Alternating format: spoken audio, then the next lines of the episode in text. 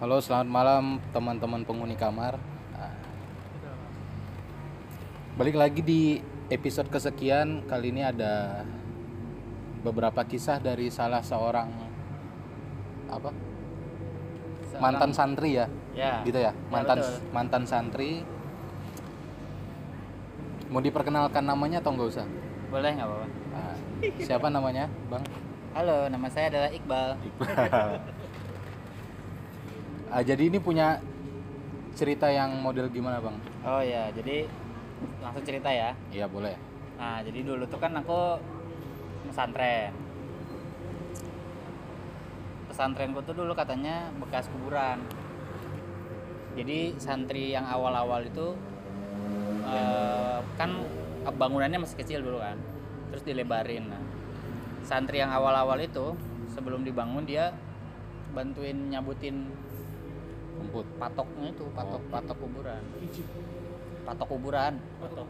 Ah, kan di diberesin kan? Jadi terus apa jadi intinya eh, cerit- banyak cerita-cerita serem lah. Jadi ini bukan ceritaku sih. Aku juga ada dikit lah tapi kebanyakan cerita-cerita teman-teman. Cerita pertama. Nah dulu tuh aku ya jadi eh, WC di pesantrenku tuh eh, modelnya nggak pakai kloset duduk yang merek Ina atau Toto itu loh. Nah jadi dibuat sendiri dari semen. Nah bentuknya tuh bolong, bolong. Nah tapi ada satu WC yang eh, pakai kloset dan itu laku. Di lokasi yang sama tuh. Nah, kan berjejer tuh. Jadi WC W- apa? WC WC WC WC WC. Nah, baknya tuh jadi satu manjang gitu. Oh iya iya. iya. Nah, di deretan itu semuanya bolong biasanya. Kecuali ada satu yang pakai eh, Kloset. kloset yang ina itu. Nah, itu selalu laku. Aku selalu juga kalau pup di situ. Kenapa? Karena dulu ada cerita katanya pernah ada orang yang pup santri yang pup di WC yang bolong itu. Ah, Terus dari bolongnya itu keluar tangan, coy. Akhirnya itu itu cerita hantu tertua. Jadi terus dijuluki sama kita itu hantu estrajos. Karena kan kayak logo estrajos gitu kan. Nah, aku selalu milih di situ di di WC yang ada eh, kloset inanya itu karena tidak mungkin ada hantu estrajos. Karena kan itu nekuk-nekuk kan Iya benar. dia Sulit. tangannya tidak akan mungkin bisa lolos ya kan jadi aku selalu milih di situ coy nah posisi WC yang favorit itu ada di gudang jadi bangunan itu eh, dulunya jarang dipakai terus akhir-akhir dipakai Posisinya agak jauh Di belakang. dari asrama. Eh dari asrama itu. dari di pokoknya paling belakang dia paling belakang dan itu selalu apa ya selalu emang rada suasananya rada sepi-sepi gitulah. Walaupun jadi misalkan habis isa nih kan jam makan ya itu rame orang rebutan makan gitu kan. Tapi di belakang itu tetap sepi aja. Nah waktu itu aku Belet. kebelat di jam makan. Sebenarnya aku males. Aduh ini pengen pup tapi pengen ke situ tapi sepi gitu tapi ah ya udahlah. Akhirnya aku pup di situ ya. Aku pup di situ Ehm, pas masuk gudang eh sebelumnya aku masuk gudang kan. Halo halo gitu. Ada orang nggak gitu. Diem aja nih nggak ada orang. Ya udahlah. Udah amat aku pup aja di situ. Aku pup di situ.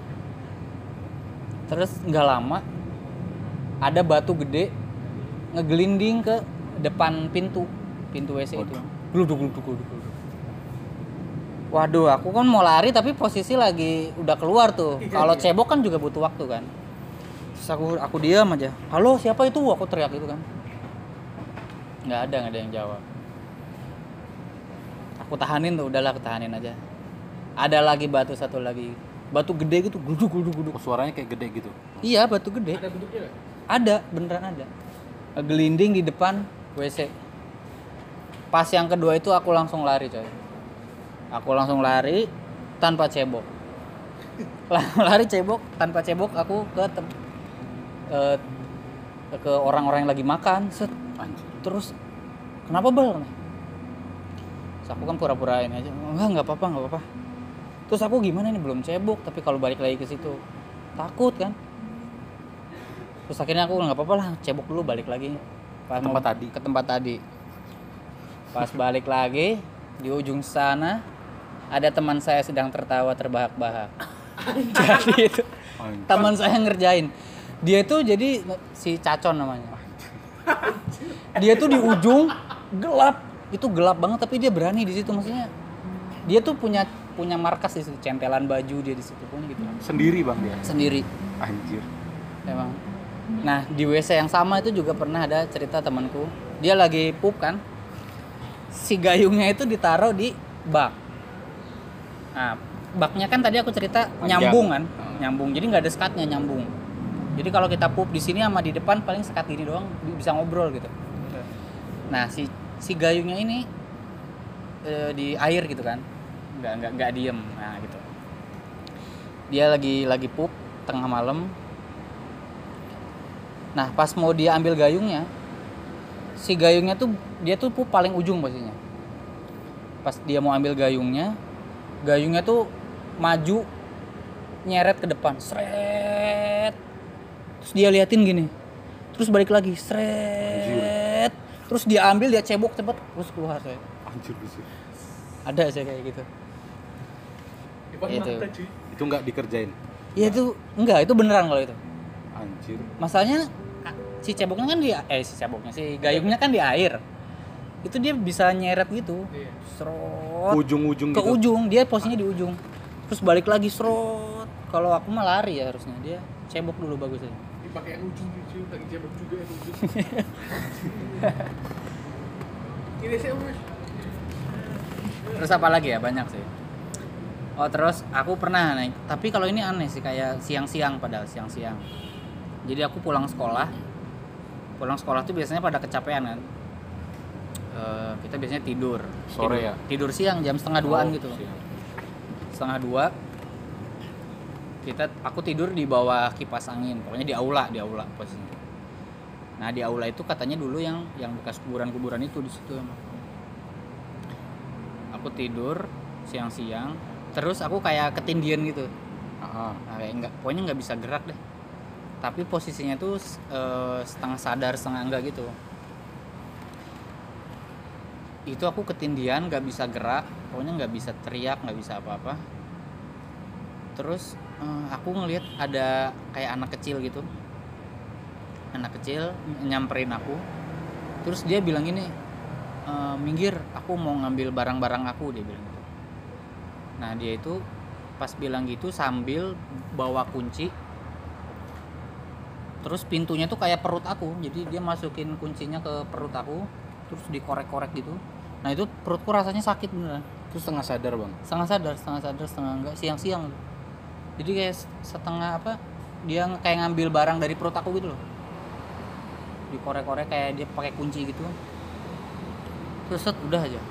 Tapi itu eh, kerasa beneran sakit emang. Hmm. kerasa sakit. Begitu. Setelah itu. Yang diambil apa ya? Setelah itu udah aku juga nggak memang emang di di pesantrenku sering banyak ini sih ke- ketindian tuh udah paling sering. udah paling biasa gitu. Yang biasa ya. udah paling biasa gitu. Habis itu udah jadi gitu. Cerita selanjutnya. Ada lagi masih ada. masih masih ada. Jadi ke kita ke berapa nih? Nah empat jadi aku punya teman seangkatan. Di tahun keberapa itu pasti ada pergantian ketua kamar kan? Nah eh, pokoknya kelas berapa itu? Sanawi apa aliyah aku lupa. Sekamar berapa bang? sekamar aku macam-macam. Ada yang 36 ada yang Oh, banyak ya. 24 paling paling kecil 24 lesehan gitu? Tidurnya lesehan. Nah suatu hari eh suatu itu suatu ketika teman aku terpilihlah menjadi Tua kamar. ketua kamar. Terus dia kan eh, melakukan program-program apa gitu kan. Terus akhirnya ceritanya dia bersih bersih kamar. Ayo kita beresin kamar ini katanya. Pas dia beres-beres kamar di eh, pojokan kamar itu ada kayak kertas gitu ditempel kertas ditempel terus dia dia tanya ke ke angkatan kakak-kakaknya kan eh ini kertas apa ya kata dia Oh ini posisinya baru pindah kamar ya? Enggak, dia dia jadi ketua kamar. Kamarnya sama. Tapi dia baru-baru ngeh pas bersih-bersih itu. Nah, dia tanya ke senior-seniornya. Ini kertas apa ya katanya? Oh, itu udah biarin aja katanya, jangan dicabut. Itu raja katanya. Jadi raja tuh kertas yang tulisan-tulisan doa-doa Arab, gitu, Arab. Oh gitu ya udah. Nah, tapi dia sama dia malah dicabut pikir dia ah, ngapain sih eh, bikin kotor aja gitu kan maksudnya kayak nggak penting gitu menurut dia ada kertas nempel-nempel di situ apa sama dia dicabut tapi untungnya kayaknya nggak dibuang sih untungnya sama dia ditaruh disimpan lah udah aja. Nah tengah malam dia tuh biasa bangun. Dia bangun tengah malam. Terus dia sholat. Sholat tahajud ceritanya. Di kamar. di kamar sholatnya. Dia sholat di kamar. Nah udah udah posisi sholat nih udah udah takbir kan Allah Akbar gitu.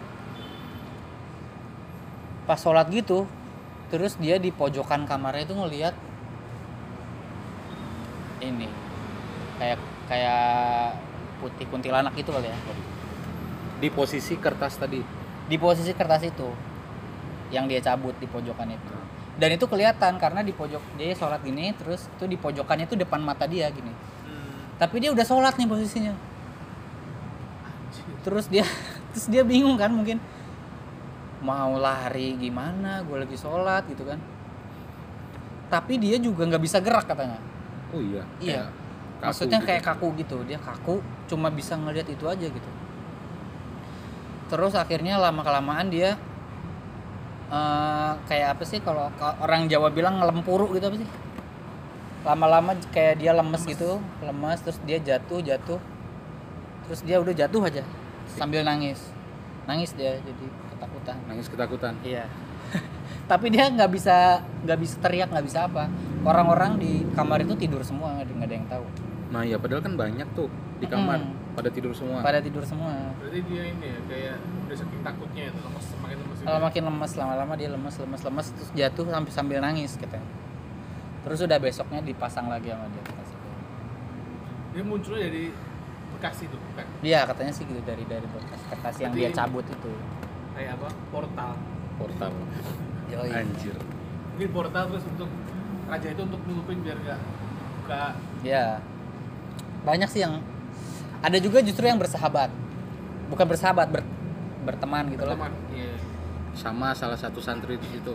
Ya senior ini santri senior dia namanya Mbah Sulis kalau kita panggilnya namanya Sulis sih Oh, orang kan itu. orang dia itu adalah seksi pengairan gitu terus dia kayak kalau kita mah mungkin kayak orang indigo gitu kali ya bisa, Iya. bisa.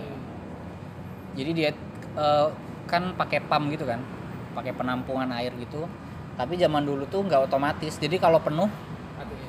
harus matiin dan itu tinggi kan harus naik tangga Oh, harus Iya karena gede coy. Oh, se- sekotak gede gitu. Harus naik tangga terus diliatin, oh udah penuh belum? Belum turun lagi. Naik lagi udah belum gitu. Kan males tuh. Nah, dia tuh nggak pernah kayak gitu. Dia tuh selalu katanya dikasih tahu. Jadi kalau udah penuh ada yang ngasih tahu udah penuh. Oh sama temennya itu. Iya. Jadi dia santai, oh, nggak pernah bolak-balik ngecek gitu dia. Kasih tahu udah penuh ya udah dia. Persahabatan dengan persahabatan terus kalau cerita-cerita yang kayak gitu-gitu doang banyak sih kayak misalkan temanku lagi tidur di kamar terus dia ng- apa ngelilir kebangun gitu tengah malam tengah malam kebangun terus ngelihat lampu tapi di lampu itu ada kepala kayak gitu tapi dia ya udah nggak bisa gerak juga kayak udah gitu terus merem lagi aja terus nggak ada terus kadang pernah dia eh, ngebangun tengah malam terus lihat dia lihat di kamar itu ada orang gede banget kayak tinggi gitu Aduh. terus duduk gitu ngangkang jadi seatap jadi dia kayak tidur di bawahnya si orang gede itu Hmm. jadi kayak kakinya lagi gini nih lagi nekuk duduk nongkrong Itu gitu sepa- separuh badan doang di dalam rumah. Di dalam kamar full? dalam Full? kamar full jadi seruangan itu kayak misalkan gini ya dia gede gitu Ada palanya juga. ada kepalanya lagi Kayak- nggak- kayak Titans ya kayak Kayak- Titans ya pokoknya gede gitu Tapi lah tidak kepotong keluar Enggak. ruangan itu ya. nggak ya? nah, begitu banyak sekali cerita cerita atau lagi nyuci nanti kalau nyuci biasanya tengah malam soalnya pagi kan kita sibuk sekolah apa ngaji tengah malam lagi nyuci ada tangan-tangan buntung di atap-atap jemuran Iya. banyak sekali Lagi jemur juga mungkin ya. mungkin lagi menjemur Tapi cerita paling khas di pondok itu apa yang paling bener-bener ke- menakutkan? Kan biasanya ada tuh di pondok-pondok cerita gitu. Ada ada ada. Aku juga kan banyak tuh ada juga Iya. cerita khasnya. Nah, Ya, pondok Bang Iqbal tuh gimana? yang kayak mungkin habis minggu ini orang kena cerita itu kan ketemu apa besok besoknya lagi ada yang lain lagi gitu Han- di Iya, iya. pesantrenku tuh jadi apa ya? Anak-anak anak-anak tuh nggak pernah takut segimananya gitu. Nggak pernah apa? Nggak pernah ngerasa Terganggu? ter maksudnya iya. Nggak pernah jadi yang diingat-ingat terus gitu. Oh. Eh, jadi kalau cerita-cerita itu kayak biasa aja akhirnya kayak cerita ya oh ya ya udah gitu. Terus nggak nggak takut. Misalkan eh di situ aku ngelihat apa gitu misalkan. Ya udah kita juga ke situ lagi ya biasa nggak aja. masalah biasa aja gitu. Malah jadi kayak ah, temanku pe- penasaran nih di aula kan suka ada penampakan penampakan juga kan. Aku pengen deh katanya kalau pas di aula gitu ada apa gitu langsung aku hidupin lampunya terus langsung bangunin semua orang gitu. Jadi kayak lebih nggak takut ya lebih kayak ya udah biasa aja gitu. Tapi kalau paling legend sih hantu extra jus itu. Hantu extra legend. maksudnya itu kayak unik aja gitu ada kenapa ada tangan keluar dari WC WC itu begitu ceritanya Di tempat Anda juga pasti ada cerita yang itu tangan dari Ada, WC kan. Kalau tangan ada. Tapi yang paling legend tuh ini di Padanaran nih kan ada nyebutin apa pondoknya Iya nggak apa-apa, emang emang emang emang terkenal pondok Pandanaran ya Pondok Sunan Padanaran di Jalan Kaliurang itu. Itu jadi di makomnya kiainya dulu kan ada makam punya Oh. pendiri pendiri pondok Mhm. makamnya Mbah Kiai Mufid. Jadi di an- antara pondok ke makam itu kita harus nyebrang sungai. Sungai itu aliran dari Merapi aliran itu. Nah, semua ustadz tuh ngomong di aliran itu di situ tuh di bawah di bawah jembatan itu itu tuh pasarnya jin katanya kalau kamu malam-malam ke situ tuh kalau denger rame-rame nah itu jin It- itu itu itu semua semua ustadz tuh ngomong itu terus sama ada deket depan depan terus depan jembatan itu ada pohon yang nggak boleh ditegur padahal, padahal pohonnya udah tua gitu udah udah udah rapuh rapuh gitu loh. Katanya di situ ada yang nungguin kaki kakinya tuh tinggi banget lebih lebih tinggi dari gedung-gedung di situ. Katanya gitu tapi nggak pernah ada yang lihat sih. Belum ada pernah yang lihat. Iya, terus sama jinnya jinnya kiaiku. Jadi kiaiku punya murid jin punya santri jin. Kalau tiap malam apa gitu kalau pas kebetulan kamu tidur. Ada tuh kadang tuh yang tidur di makamnya. Jadi makamnya tuh nggak kayak nggak kayak kuburan. Bagus Kayak aula, di keramik di keramik gitu heeh, di keramik gitu. Kadang-kadang tuh ada yang yang karena mungkin panas ya tidur tidur di luar di di makamnya itu. Nah malam-malam tuh ada orang ngaji ada seorang ngaji tapi nggak ada yang ngaji. Itu katanya santrinya santrinya kiainya Yang jin itu. Heeh. cewek suaranya bagus katanya. Tapi aku nggak pernah denger sih. Itu selalu ada sih cerita-cerita kayak gitu lah biasa di pesantren Jadi itu ya tadi ya udah. ya. iya Yang dari Bang Iqbal udah cukup. sudah sudah sudah jadi gitu-gitu aja Itulah tadi teman-teman penghuni kamar cerita tentang pengalaman di pondok pesantren. Ya memang di pondok pesantren itu rata-rata punya cerita-cerita mistis tersendiri gitu. Nah ini salah satunya. Ini pesantren di mana bang? Daerah mana? aku di Kudus Daerah Kudus. Nah, jadi bukan di tempat kayak Maimun Zubair bukan. Terima kasih.